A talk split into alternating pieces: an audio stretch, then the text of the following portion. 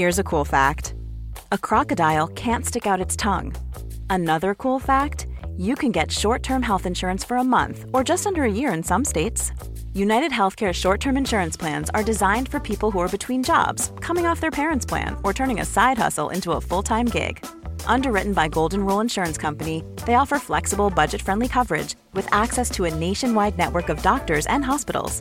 Get more cool facts about United Healthcare short term plans at uh1.com.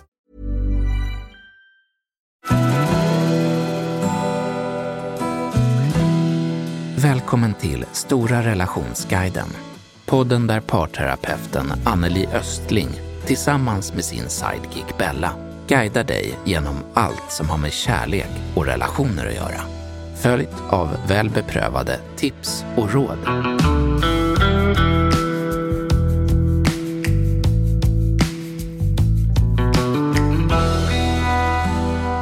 För många kan beskedet och faktumet att vi är gravida mötas av både glädje och skräckförtjusning, även om många har svårt att visa vad de egentligen känner.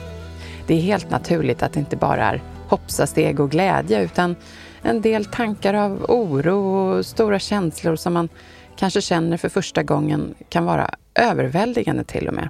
Som att göra sitt livs största affär. Det är ju liksom den största investeringen vi gör i våra liv och även vår relation. Inget kommer påverka oss så mycket som detta och förhoppningsvis mest positivt såklart. Men det finns också ett par utmaningar med det här och egentligen kan ju ingen säga exakt hur det kommer bli just för dig såklart. Men vi ska försöka hjälpa till att identifiera olika farhågor på vägen som är just under graviditeten. Vad säger du Anneli? Vilken bild och erfarenhet har du av det här? Ja, egentligen så har jag en väldigt positiv bild för jag tyckte att graviditeten var fantastisk. Alltså jag mådde så bra i den. Men det beror lite på hur planerad man varit i att skaffa barn.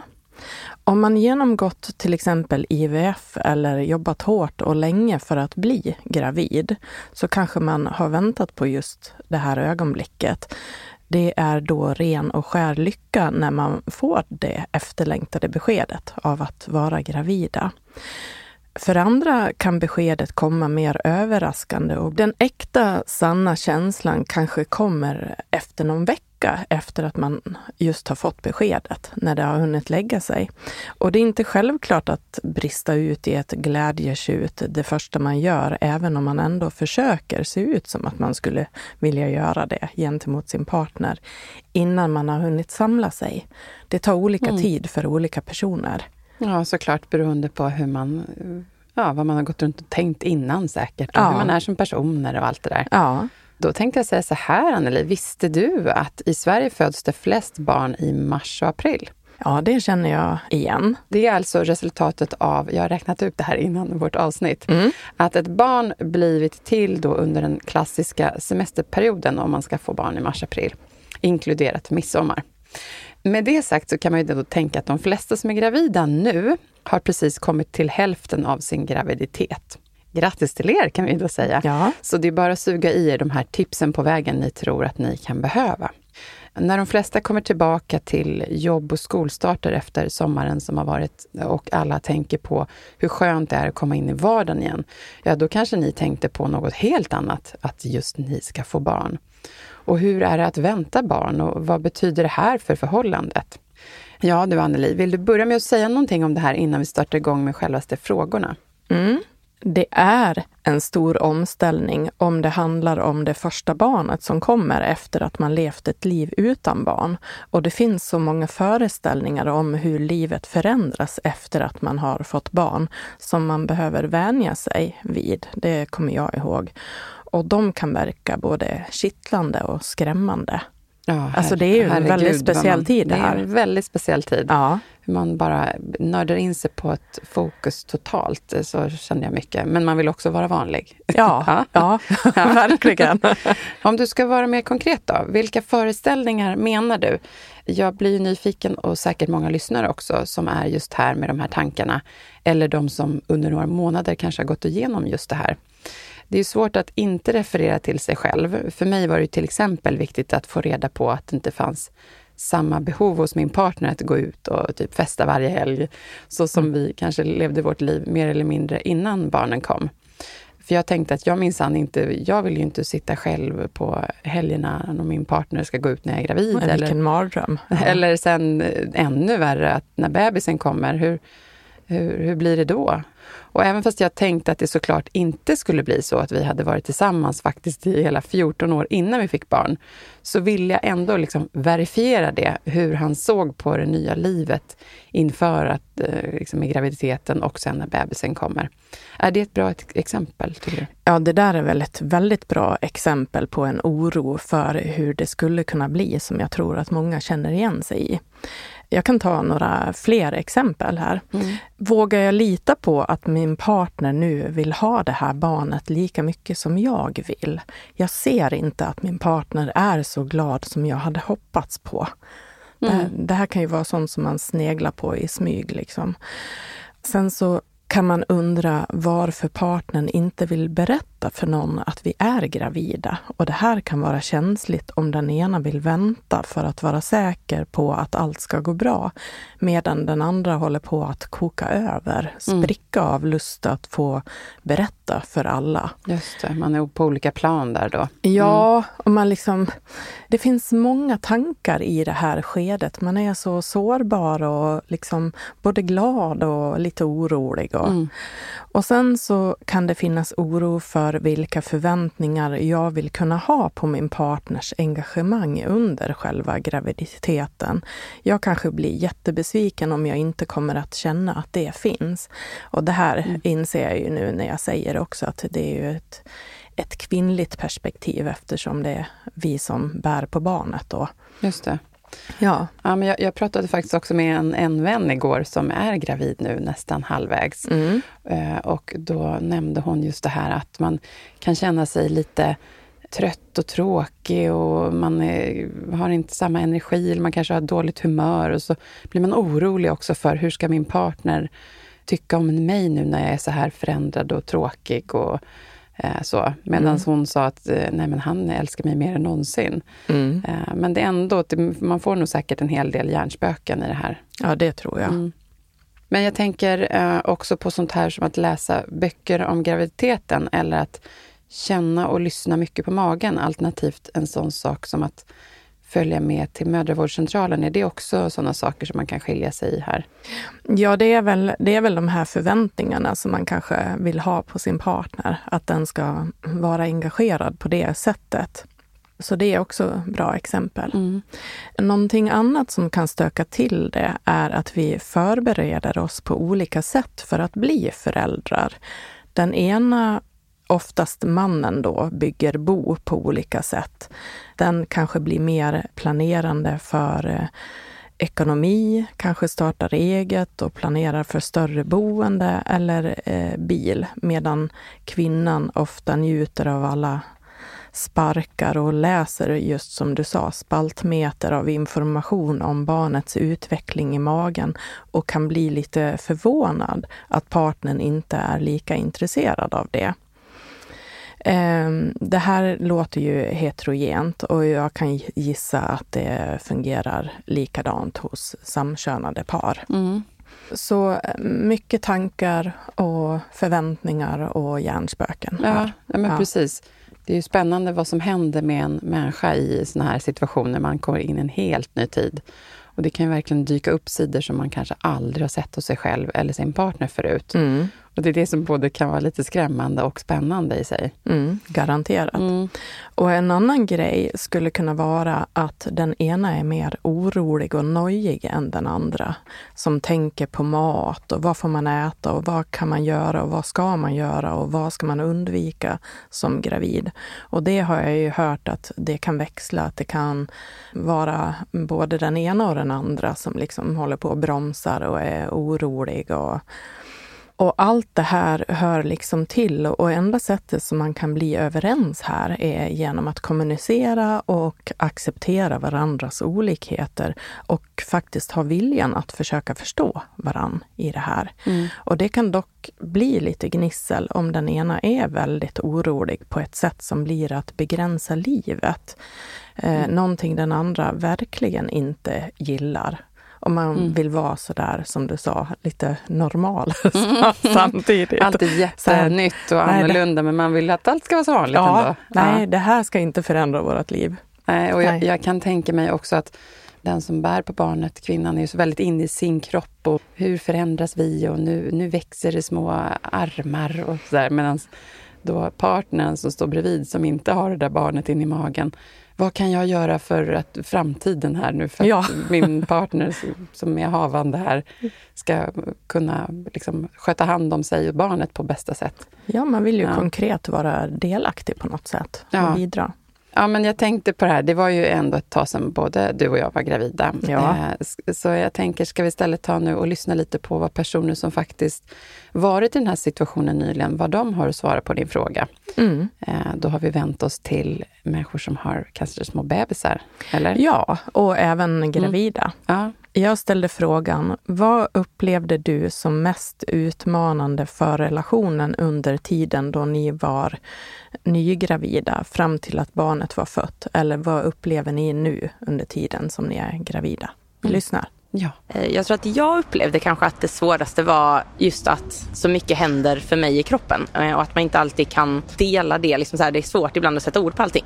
Ehm, och att det då var svårt kanske för min liksom, sambo att helt sätta sig in och förstå. Men det var mycket som var utmanande. Dels liksom hur vi skulle kunna vara bra föräldrar framåt, att man tänker framåt, men också eh, mina hormonförändringar under graviditeten och att det inte handlar om liksom, relationen utan att det var mina förändringar och jag kunde skälla ut honom och skrika och gråta och sen så var det som att ingenting hade hänt och hur man parerar det i en relation. Jag upplevde nog att eh, det svåra var omställningen och veta hur man skulle reagera på den, både mig själv och min partner. Vi pratade om det men eh, ja, svårt att veta helt enkelt hur det här nya livet ser ut. Jag tycker att det är viktigt att man är jämställd och att man delar på det sådär och jag tror att det är svårt att um eller jag tycker det är viktigt att man är lika engagerad men man kan ju inte vara det i alla områden.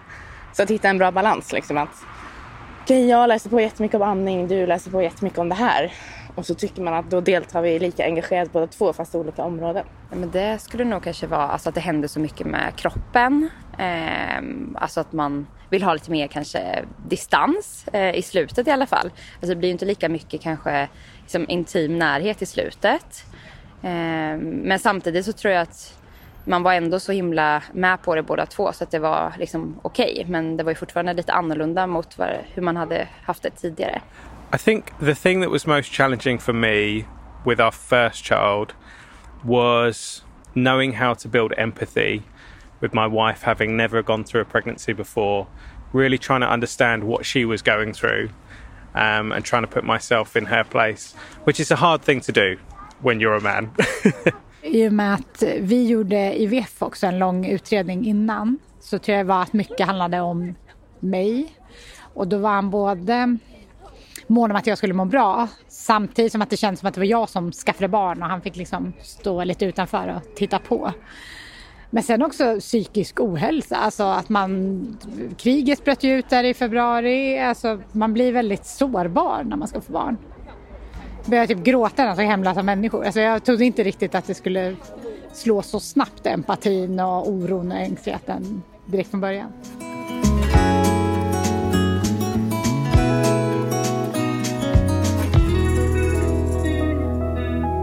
Ja, men det där var ju spännande att få höra olika människors tankar. Mm. Eh, vad man dras tillbaka till den där tiden kan jag känna. Ja. Eh, ja, men så vad sätter det sen igång för tankar när man fått reda på att man väntar barn? Hur mycket tror du att man pratar med varandra i början? När det liksom bara visar sig ett streck på en sticka och man vet att det kommer förändra ens framtid. Men man kanske varken ser eller känner barnet i magen. Det är en ganska lång tid som är inte så föränderlig mm. rent fysiskt. Liksom. Mm. Och för egen del kan jag säga att det var mycket spännande i början, eh, kände jag, även när inte jag märkte det fysiskt. Men jag liksom läste och läste, men, men det var ju då kanske inte riktigt detsamma för min man. Nej. Förrän det började synas något eller man kunde känna sparkar. Ja, det här kan ju vara väldigt individuellt. Det är svårt att säga. Det kan också bero på vad som har föregått graviditeten. Lite det jag pratade om tidigare, att vissa blir spontangravida och behöver liksom ta ett beslut och andra planerar att bli snabbt gravida medan vissa kämpar i flera år med alla tänkbara hjälpmedel och termometrar där sex blir mindre av den där romantiska bilden som jag tror många har innan man har förstått att det inte är så lätt alla gånger. Och det måste ju vara stressande, tänker jag. Alltså, ja. Av olika anledningar. Stressen att det inte blir något barn och stressen att ens eh, sexliv och närhet liksom inte blir något som alltid är så lustfyllt, utan det ska vara något praktiskt för man vill få ut någonting av det. Liksom. Ja, det där är nog jättejobbigt mm. och det mm. vet jag också, par som har varit hos mig, att sex har förvandlats till någonting praktiskt. Mm. Och sen ska man hitta tillbaka till något fint igen. Ja, ja. ja. Det är många som har fått missfall eller kämpat mot den biologiska klockan och nästan förhandlat sig till att man ska skaffa barn även om den andra inte känner sig redo. Så det finns så många olika situationer mm. som man kan bli gravid i eller inte bli gravid. Och jag tror dock att de flesta som velat ha barn blir påverkade av det där strecket på stickan. Mm. Och känslorna och reaktionerna kan vara blandade även om de flesta får lite fjärilar i magen ändå. Mm. Ja, men sen när kroppen förändras och man som då tjej börjar känna sig sådär lite fläbbig, säger jag på dalmål. Ja. ja. och sen då kanske även senare när man eh, känner sig sådär ovanligt stor, då kan det ju vara fint att få känna sig just fin. Och det här, och det här att partnern har en viktig roll i att stötta det, hur brukar det se ut med det?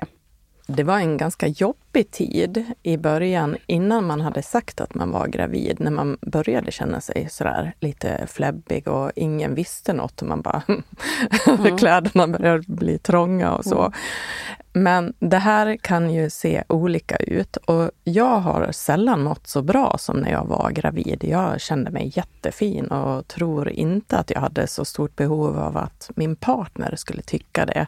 Det kändes så starkt i mig själv. Alltså det, det var en, en speciell tid i mitt liv.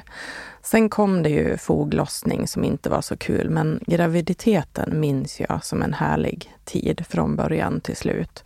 Och det här kan variera så mycket och det kan nog ha med hormoner och annat att göra också. Och det är klart att en partner som bekräftar och stöttar kan få en väldigt viktig uppgift här och kan verkligen hjälpa en att må bra och känna sig bättre när man är gravid. Mm. För det är man ju tillsammans. Ja men verkligen. Och jag känner faktiskt någon som har, apropå hjälpa, det kan ju också verkligen skälpa när man är en partner som tyckte inte alls om att hans tjej blev så där stor och han var så orolig att hon kommer att gå till, tillbaka de här 25 kilona har gått upp nu då. Mm. Och det är ju inte att vara en supportive partner. Det måste ju vara så jobbigt att ja, hantera det. Verkligen. Bära på den rädslan. Ja, men om man tänker på det här med vad som kan hända med sexlivet under graviditeten. Mm. Vad händer om den gravida inte vill ha sex respektive vad händer om inte partnern vill ha det? Vad, mm. vad har du att säga om det? Ja, det är också väldigt individuellt och kan också vara någonting som blir känsligt det kan verkligen slå åt olika håll här. Att den som är gravid vill ha mera sex än vanligt och partnern tycker att det är lite läskigt och kanske rent av avtändande när kroppen eh, blir stor och förändrar sig. Och det kan ju också vara tvärtom, att den som är gravid inte vill ha sex, inte känner sig fin eller sugen, har lust eller är rädd helt enkelt att det ska kunna skada barnet på något sätt. Mm. Eh, någonting som jag vet att eh, vi pratade om, jag och mina vänner, under graviditeten. Eh, vi var faktiskt många som var gravida samtidigt också. Mm. Eh, det var det här med vilken lång tid det är som sexet inte är på samma sätt som förr heller. Att man kanske innan graviditet haft det just för att kanske mycket få barn. Och sen när man är gravid kanske man inte känner sig lika het som innan, och in, eller kanske inte lika sugen för den delen. Och sen när barnet då har kommit, då kanske man är så uppfylld i det här barnet och kvinnan liksom får sin närhet med bebisen. Och, och efter det så är det också sömnbrist som kommer. Så vad gör man då, då Anneli? Vi hade ju behövt dig då som expert. vad gör man för att hålla gnistan uppe och inte tappa det här? Eller hur kan man tänka? Här kan det nog behövas en, en del råd. Ja, du bekräftar ju verkligen en sån här mardrömsbild. ja, man ser det som en lång följd. Man får hoppas att man har hållit ja. någon ånga uppe alltså, någonstans. Jag kan ju säga att när jag var gravid så hade jag mera lust Ja. Alltså det, det var påtagligt. Mm. Så att eh, det kan se väldigt olika ut. Och det här blir någonting nytt när man är gravida som man kanske inte har funderat så mycket på innan. Just, mm. ja men man har sånt fokus på att man vill få barn eller eh, blir gravida och sen, ja just ja, hur förändras det här nu? Mm. Och jag tror att det är viktigt att prata om det. Om de här tankarna börjar komma. Visa omtanke och inkludera även den andra när man har fått barnet. Att vara trött och avvisa känns inte så kärleksfullt. Visst ansvar behöver man ta för att partnern ska kunna känna sig betydelsefull och att det finns en omtanke mm. eh, om den andra. Efter att man just fått barn så behöver det ju finnas förståelse och acceptans för att båda, för, eller från båda för att eh, det kan vara tröttande och är helt naturligt att lusten inte finns där. Men går det för lång tid och den andra känner sig obetydlig och bortskuffad så kan det bli starten på fortsatta sexuella problem eller en obalans som leder till distans och kanske onödiga gräl framåt om någonting så viktigt som intimitet, närhet, sex och ömhet uteblir. Mm. Liksom. Mm. Det är ett jättevanligt problem, så det är bra om man kan prata om det och faktiskt också göra det redan under graviditeten. Ja, men som du säger, det är ett jätte jättevanligt problem. Det är ett Bara att ha det som ingång när man pratar med varandra. Ja. Det här har jag förstått att det är ett vanligt problem. Då är det lätt att börja prata om det. Eller lättare i alla fall kanske. Ja, och när du säger att ja, Anneli, då hade vi behövt dig som experten här. Alltså, det som jag kan säga av erfarenhet med att ha jobbat med par är att man vinner på att ha den här förståelsen och som jag brukar säga att sätta lite fogmassa mellan kakelplattorna. Även om man är trött, så bara det att man uttrycker för sin partner att ja, jag vill så gärna vara nära dig, men jag är inte där just nu och har lust, men jag bryr mig om dig och jag ser att du också behöver. Alltså den här omtanken emellan mm. som kan lugna den andras nervsystem och, och det gäller åt båda håll. Att ha förståelsen för att också ha en fin ingång till att att eh, inleda sex igen när mm. man börjar känna sig lite mera Mm. normaliserad. Så att man har en mental närhet till varandra? Ja, ungefär. Mm. mental närhet och att man inte mm. har skapat onödig press och stress runt mm. det här. Det är inte ja, men lätt, men eh, det behöver finnas där. Ja, omtanken och förståelsen. Bra tips där. Eh, jag tänker på det här med eh, hormonerna också. Om man som gravid har, då har rätt att bete sig hur som helst. Nej, såklart inte. Nej. Nej. Nej. Men om det är mycket jämmer från den som är gravid och eh, förstå mig rätt när jag säger det, så mm. kanske partnern kan vara rätt less på att vara tålmodig i det. Vad kan hända om man har det så exempelvis? Ja, det här är intressant, för det här kan ju faktiskt också vara en förväntan ifrån den som inte bär på barnet. Att man glädjen i att bli gravid, man kanske känner sig stolt och glad och längtar efter att ha en glad partner också. Och det är klart att det kan bli jobbigt om man upplever att partnern intar en negativ inställning och upplever allt som jobbigt när man faktiskt själv vill att det ska vara lite blommigt och härligt. Och det är naturligt att vissa har problem och upplever graviditeten som mycket jobbig. Och då kanske man behöver stöd och förståelse i det. Och får man inte det från sin partner så kan jag tänka mig att det jobbiga tillståndet förvärras bara av just det. Att man känner Mm. sig lite ensam i att vara den som behöver ta alla de här fysiska sakerna med att vara gravid. Och vi behöver ta hand om varandra och också ta ansvar för hur vi behandlar varandra åt båda håll här. Det är bättre att förklara hur man känner sig än att, som du säger, bete sig. Det är inte okej. Nej, det är det ju verkligen inte. Nej. Man får ju kommunicera när man känner enough is enough eller eh, Mm. tänka mycket på hur man är mot varandra Ja. såklart. Ja. Sen så har vi det här med hur eh, mycket man kan nörda in sig i något. Eh, Mm. Där vi nämnde precis i början. Låt säga att den ena partnern vill läsa allt som kommer ens väg och börjar kanske handla på sig saker och kläder i förväg. Och den andra knappt visar engagemang eller glädje i det här.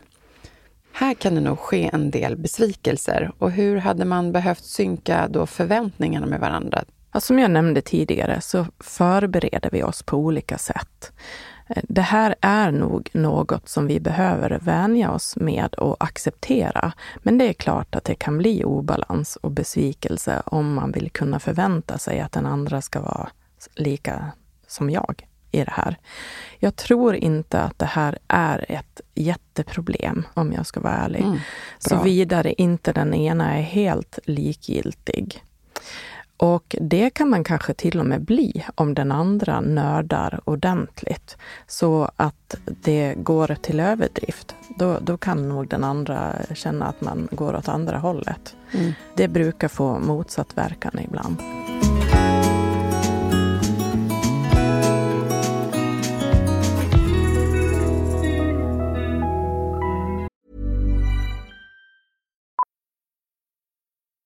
Millions of people have lost weight with personalized plans from Noom, like Evan, who can't stand salads and still lost 50 pounds. Salads, generally, for most people, are the easy button, right? For me, that wasn't an option. I never really was a salad guy. That's just not who I am. But Noom worked for me. Get your personalized plan today at Noom.com. Real Noom user compensated to provide their story. In four weeks, the typical Noom user can expect to lose one to two pounds per week. Individual results may vary. Ready to pop the question? The jewelers at BlueNile.com have got sparkle down to a science with beautiful lab grown diamonds worthy of your most brilliant moments. Their lab grown diamonds are independently graded and guaranteed identical to natural diamonds, and they're ready to ship to your door. Go to BlueNile.com and use promo code LISTEN to get $50 off your purchase of $500 or more. That's code LISTEN at BlueNile.com for $50 off. BlueNile.com code LISTEN. Vet du hur det är med eh, samkönade par? Då? Finns det något eh, som du kan ge tips när det kommer till relationen för dem? Jag tänker att samkönade par behöver planera väl och förbereda sig en tid innan för att göra det här eh, möjligt. Och det skulle väl kunna liknas med processen att gå igenom IVF eller tidsmässigt hålla koll på ägglossning. Någonting som kan ta längre eller kortare tid. Och när man väl blivit gravida så går man nog igenom samma glädje, oro och funderingar så som heterosexuella par gör när man är två olika individer som upplever situationen utifrån vem man själv är. Så jag tror inte att det- är så mycket annorlunda mer än att det krävs lite planering. Nej, men eh, när vi ändå är inne på den här frågan med eh, samkönade par och det kan ju för den delen även vara par som inte har lyckats få barn i, i heteropar. Om man då har blivit inseminerad och kvinnan som bär på barnet är egentligen den enda som kommer bli den biologiska föräldern. Där kan jag tänka mig att det byggs en del tankar som är annat än om man också hade varit biologisk förälder. Mm. Jag tänker på den föräldern som inte bär på barnet. Vad kan det hända mm, här? Det här är ju känsligt och jag, Mm. jag hoppas att och tror att de här paren gör ett, ett eh, arbete innan och pratar igenom. För det behövs ju trygghet och förtroende emellan. Att man har pratat igenom hur det ska bli. Och eh, det kan ju också vara som så att det är en kvinna som bär barnet för, för två män. Ja, precis det Eh, också. Mm. Ja, alltså om man tänker på eh, vad är syftet med det här? Man vill ha ett barn Mm. och det behöver finnas trygghet runt barnet och man behöver göra ett förberedelsearbete för att alla inblandade ska kunna känna sig trygga. Det finns säkert många känslor och oro runt det där som man behöver hantera. Mm. Så det är en... en Viktigt att hantera det och prata mycket om det. ja, mm. det är en jättebra fråga mm. och eh, vi hinner inte fördjupa oss i det idag. Nej. Nej, men vi kanske gör det framåt här ja. med något eh, avsnitt som täcker in det här mm. ämnet, för det kan man nog prata om väldigt mycket. Kan jag Absolut. Mm. Ja, men då går vi vidare. Jag kommer tänka på en helt annan grej. Det här med att synka relationen. Om man har en del problem att ta itu med i relationen, är det inte väldigt bra om man orkar och tar sig tid för att jobba med det just innan barnet ska komma? För sen då, då är, så man liksom är bra rustad och har de verktyg man behöver för relationen när det kommer vara utmanande sen, när det mm. kommer en bebis och mm. sömnlösa nätter och sådär. Mm. Kort och gott, var inte rädd eller tyck att det är dumt att gå en sväng i parterapi under graviditeten. Det är det jag vill få fram här. Mm. Eh, det kan ju vara guld värt inför att ni båda ska bli föräldrar och att vara synk med varandra så mycket man kan bli. Mm. Eller vad säger du om det? Det är många par som har kommit till mig när de har blivit gravida av just den anledningen som du beskriver. Att man vill arbeta på sin relation för att den ska bli tryggare, men också för att ta itu med saker som man inte kunnat hantera så bra tidigare i relationen, som ofta lett till större eller mindre konflikter. Par är ofta väldigt samarbetsvilliga inför att man ska bli föräldrar och båda hyser stor respekt inför de prövningar man kan få ta sig igenom. Det är det jag möter. Ja, men vad positivt att höra att det är mm. vanligt. Mm. Jag visste inte hur det var. Och det som brukar komma upp då i de samtalen är att man vill ofta prata om jämställdhet och de saker man verkligen vill bli bättre på när det gäller det för att hjälpas åt för relationens skull också. Och många män är oroliga för att kvinnan ska bli den som bestämmer över barnet och att man som man kanske kommer att känna sig kritiserad i sitt sätt att ta hand om barnet. Och det finns också oro för att bli att känna sig utanför, då det oftast är kvinnan som är föräldraledig först.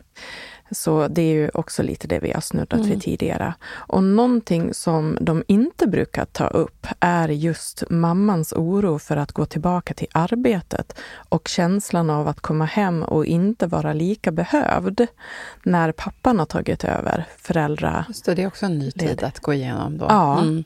Middagen kanske står färdig på bordet, barnet är harmoniskt och har nybytt blöja och pappan och barnet kanske har haft en jättemysig dag tillsammans. Och det är inte alltid så lätt med den omställningen efter att barnet länge varit så tätt in på mamman. Kan man fråga hur vanligt eller ovanligt eh, det är? Ja, men det är ganska vanligt. Eh. Det är någonting som jag har mött ofta, att det blir osäkerhet eller en, ett utanförskap även för mamman som går iväg till jobbet, mm. som har varit van att vara och, och man kanske inte ens är så sugen på att gå tillbaka och, vara mest på jobbet och minst med sitt barn. Nej. Alltså det är ändå ett, eh, en väldigt stor omställning också såklart. Jag tror att det är kluvet det där, för mm. att jag tror också att man längtar ut mm. samtidigt som man eh, vill vara hemma. Mm. En bra balans är det bästa. Ja, det är någonting man får ta sig igenom helt enkelt. Ja. Innan vi lämnar det här med terapidelen så vill jag bara hysa in här att jag gick eh, under, innan jag fick mitt första barn, så gick jag i terapi då innan jag var gravid. För en egen del, för att jag ville liksom bättra på olika saker i livet eller gå igenom olika saker eh, som har varit ens uppväxt och sådär. Mm. Gå i terapi helt enkelt för mig själv.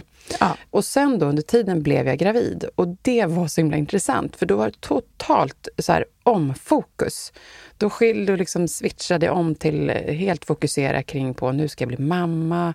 Då började jag liksom mer nysta i min egen uppväxt. Vad, hur ska jag bli en den bästa mamman jag kan bli och hur kommer det här bli i vår relation? Det blev liksom mm. en helt... Eh, och jag var så glad åt att det blev just att jag gjorde det, för att då var, jag kände mig så himla rustad sen. Mm. Nu säger inte jag att man kan ju vara det ändå, men jag, personligen så var jag glad att, att det blev så. Det var lite av en händelse. Jag kanske inte hade börjat gå i terapi om jag under graviditeten, liksom, som aktivt val, men det var kanon, känner jag. Men så som jag känner dig också, Bella, så det är ju sällan du kommer oförberedd till någonting. Ja, ja. ja jag kanske hade gjort det ändå. Då. Ja. Ja. Ja. det är sant. Ja, men det är ju en väldigt bra sak att göra om man vet att man kanske behöver stärka sig själv på något sätt. Man har ju bara att vinna på det. Men motstånd och rädsla för att gå i terapi kan vara det som eh, ibland gör att man avstår. Alla borde ta chansen att lära känna sig själva lite bättre om man har den möjligheten och är nyfiken på att utvecklas innan man ska bli förälder. Alltså det behöver inte vara att man har jättestora problem, utan bara Mm. nyfikenheten. Skruva på saker. Mm. Och man är, det är helt ny tid också man, som man ska gå in i man vill ha kanske råd och tips om saker. Mm. Ja, men inför att man ska bli, eller då har blivit gravid, när är det bra att man pratar ihop sig kring saker, hur man ser på förväntningarna inför att få ett barn eller barnuppfostran, föräldraskap? Och sen tänker jag på det här praktiska, om det är så att man tycker att det är viktigt med tydliga förändringar som att behöver eller vill vi flytta innan till exempel. Jag kommer ihåg att vi hade folk som var på oss som att vi skulle skaffa en familjebil innan. Men eh, alltså nej, vi var så här, nej vi, vi behöver ingen familjebil, det går bra ändå. Eh, men det finns ju så mycket ny info som man inte har haft runt omkring sig förut, som sen kommer från alla håll och kanter när man har blivit gravid. Mm. Har du någonting att säga om det här? Ja, det känner jag igen. I det där fallet med bil så, så låter det som någonting gulligt omtänksamt, men jag tror verkligen att det här kan bli ett problem när människor runt omkring på riktigt ska berätta hur saker och ting fungerar när man är gravid och får barn. Eh, lite skämtsamt men också med allvar så kan det vara här som man upplever sitt första skav med svärmor eller kanske svärfar. Det finns också många förståsigpåare på arbetsplatser eller bland syskon, vänner och föräldrar. Det är någonting som man får lära sig att förhålla sig till på bästa sätt bara och hoppas på att man ändå får göra som man själv vill i slutändan som förälder eller blivande föräldrar utan att Mm. det ska bli något gnissel med omgivningen. Jag hade en kompis vars någon nära i relationen där när de var gravida. Vi sover så dåligt. Ja, väntar du bara tills de kom, barnet kommer och sen när barnet kom och man sover då. Ja, väntar du bara tills de börjar gå upp eller börjar få tänder. Vänt. Det är liksom hela livet med barn var bara vänta det bara. Det, kom, det blir nya problem sen. Ja, det, det, Ja. det lät inte som någon Nej, solskenshistoria. nej, precis. men det har gått bra ändå, Ja. så det är lugnt. Ja. Eh, nej, men nu ser jag fram emot att få höra dina tips och råd i det här viktiga och för många säkert känsliga och kanske avgörande skede i relationen. Mm. Ja, men jag sätter igång då. Kom ihåg att ni är olika som personer. Var inte för snabb med att läsa av din partners reaktion. Fundera på hur din partner i vanliga fall brukar agera och hantera liknande händelser för att ha en rimlig förväntan. Och känner du ett starkt behov av att någonting behöver förändras så får du önska det på ett respektfullt och kanske sårbart sätt utifrån dina behov. Försök att förstå varandras olika sätt att förbereda sig för att bli förälder. Prata på ett öppet, accepterande och icke-dömande sätt ifall ni tänker och agerar olika. Bådas upplevelse får finnas och bästa sättet att avdramatisera någonting laddat är att lyssna på varandra och låta var och en få prata färdigt. Så att, så att båda känner att man får finnas med Mm. det man känner. Mm, det är viktigt. Och barnet kommer att inta plats som nummer ett så länge som det är beroende av er för att överleva. Och ni får under en tid finna er i att inte vara högst på listan längre utan på ett kärleksfullt sätt ta hand om varandra där ni delar platsen som nummer två. Det kan vara gissligt för vissa. Mm. Brist på tid, både i form av mindre tid tillsammans och mindre tid var för sig, kan kännas stressande och oron kan påverka relationen negativt, både före man får barn och efter. Så länge ni delar ansvaret mellan er så blir det åtminstone rättvist. Och ni vet ju anledning till den troliga förändringen, att ni tillsammans har beslutat att bilda familj får man ju hoppas. Mm. Mm. Och som en kärleksgåva så kan ni ge varann utrymme att ha egen tid och få hålla fast vid fritidssysselsättningar och intressen som gör er glada i den mån det är möjligt. Och generositet och omtanke smittar förhoppningsvis av sig så att båda vill ge det till varandra. Mm. Och ansträng er för att prioritera att relationen ska kunna må bra för att inte tappa bort varandra under småbarnsåren. Barn mår bra av harmoniska föräldrar som tar ansvar för att må bra var för sig och tillsammans. Och har vi inte tagit ansvar för det innan vi fick barn så är det hög tid att göra det nu. Mm. Och sen sista punkten. Viktigt att fortsätta att se och prata med varandra om relationen och jobba för att relationen ska fungera för båda med en ömsesidig omtanke och respekt. Även med mindre sömn och kvällar med kolik kanske. Ja, men det låter ju så självklart när du pratar om dina tips och råd, Anneli, tycker jag. Var det här någonting som du och ditt eh, ex då pratade om innan ni skaffade barn? Nej, inte vad jag kan minnas. Jag tyckte att det här var svårt och det fanns en del oro för livet innan och efter barn faktiskt. Mm. Egentligen har man ingen aning alls. Och att befinna sig i ovisshet sätter ofta igång fantasier och föreställningar. För vissa på ett positivt sätt och för andra oro och jobbiga känslor som till och med kan skapa distans i relationen. Jag tror inte att vi var så bra på det. Och jag kommer ihåg att för mig så fanns en stor oro för någonting som målades upp som en sanning. Att det är så svårt att få relationen att fungera efter att man har fått barn. Småbarnsåren är så svåra och det är många som separerar under den här tiden. Och det kändes för mig som ett lotteri. Ska mm. det också bli så för oss? Liksom, hur, hur ska man lyckas? Okej. Det var tråkigt att höra. För till motpol på det så upplevde inte jag det alls. Nej. Eh, så att, men eh, vi får hoppas att det inte är den bilden som alldeles för många par har idag. Mm. Och jag ställde faktiskt den frågan också när jag var ute. Ska vi lyssna på vad de svarade när jag ställde frågan? Har du, ni känt en oro för att relationen inte ska hålla efter att ni eh, får eller fick barn? Ja. Vi lyssnar. Det gör vi. Nej, egentligen inte. Det är klart att man har, man har haft tankarna men jag kan inte påstå att det har varit någon större oro. Vi lever mycket här och nu och tar problemen som de kommer. Och det som händer i framtiden det, det får vi ta då helt enkelt. Eh, nej men det tror jag inte och jag tror att det är uppriktigt från oss båda då. Däremot kan jag nog, oroa är lite för starkt tror jag, men jag kan tänka mig att vi har olika syn på hur jobbigt det kommer vara. Jag tror att jag tänker att det kommer vara superjobbigt och så blir jag positivt överraskad. Och då kan jag kanske bli lite rädd att min partner gör tvärtom och inte tänker att det kommer vara så jobbigt att sådär, det där löser vi. Och då kan ju det vara en liten oro. Ja, men det har jag ändå känt. Inte att jag faktiskt tror att den inte kommer hålla men hur jag kan känna emellanåt när man har sömnbrist. Allting är väldigt tufft och påtagligt.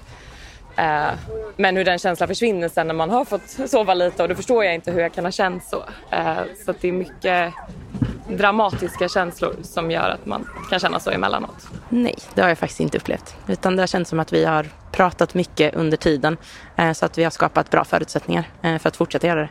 Nej, faktiskt inte. Utan det har varit väldigt committat från håll under hela tiden. Så nej. I don't think I worried about it crashing. I knew that there would be friction, especially in the early years.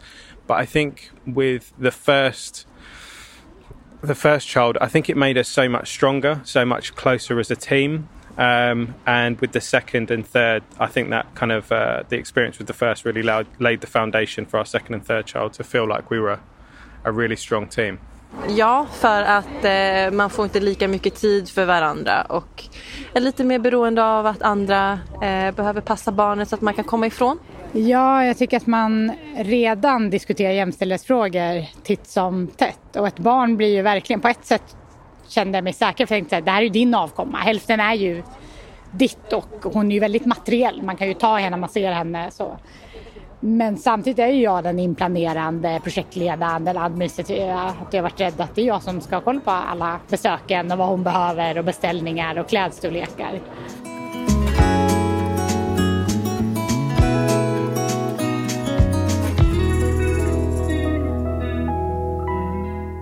Ja, nej, men det där var ju intressant.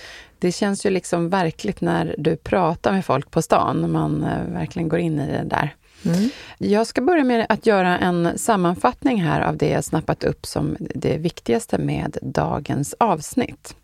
Alltså då återigen, som oftast när vi tar upp relationstips så handlar det om kommunikationen, hur vi kommunicerar med varandra, om vi ens gör det. För att få en bättre förståelse för varandra under graviditeten så behöver man just kommunicera och acceptera varandras olikheter och ha viljan att försöka förstå varandra. Det är viktigt. Var nyfiken på varandras tankar. Det blir både roligare och enklare så. Eh, det kan dock bli svårare om den ena är väldigt orolig på ett sätt som blir begränsande i livet. Då kan det bli en motsatt effekt på partnern som inte känner så. Det är också helt naturligt att man har massor av olika tankar och prioriteringar. Försök att synka och möta varandra här. Den som bär på barnet kan ju exempelvis känna sig eh, liksom extra trött och kanske tråkig och man kanske även blir lite avis på sin partner som är då mer oförändrad och fri. Eh, och eh, sexlusten kan ju också svaja. Eh, ni behöver ju helt enkelt prata om det här så ni blir tajta och inte tvärtom. tvärsom. Så, nu Anneli har det blivit dags att avsluta för idag. Men först ska jag berätta om det vi ska prata om i nästa veckas avsnitt. Jo, nämligen hur vi blir bra förebilder för våra barn. Och det kan man ju aldrig få för mycket tips om känner jag. Det är klassiskt sådär, eh, massor med föräldraforum och sånt ute på nätet. Så det här ser jag mm. mycket fram emot. Jag känner ingen press. Nej, inte du heller. Nej, Nej. Det, mm. det är faktiskt good enough parent. Mm. Att vara bra nog, det räcker långt. Men ja. vi pratar om det här i nästa avsnitt. Och man har ju säkert hört mycket av det förut, men det ska ju aldrig bli så här refresha sitt minne kring saker och ting. Det vet man ju. Allra sist så vill vi säga här att ni hittar oss på sociala medier och om du vill får du ju självklart gärna också stötta oss genom att skriva en recension på Podcaster. Och tack till våra lyssnare och stort tack till Jens som är vår producent och klippare från Stray Dog Studios. Och Anneli, så värdefullt att få ta del av dina råd och all din kunskap. Vi hörs nästa vecka igen. Tack själv Bella.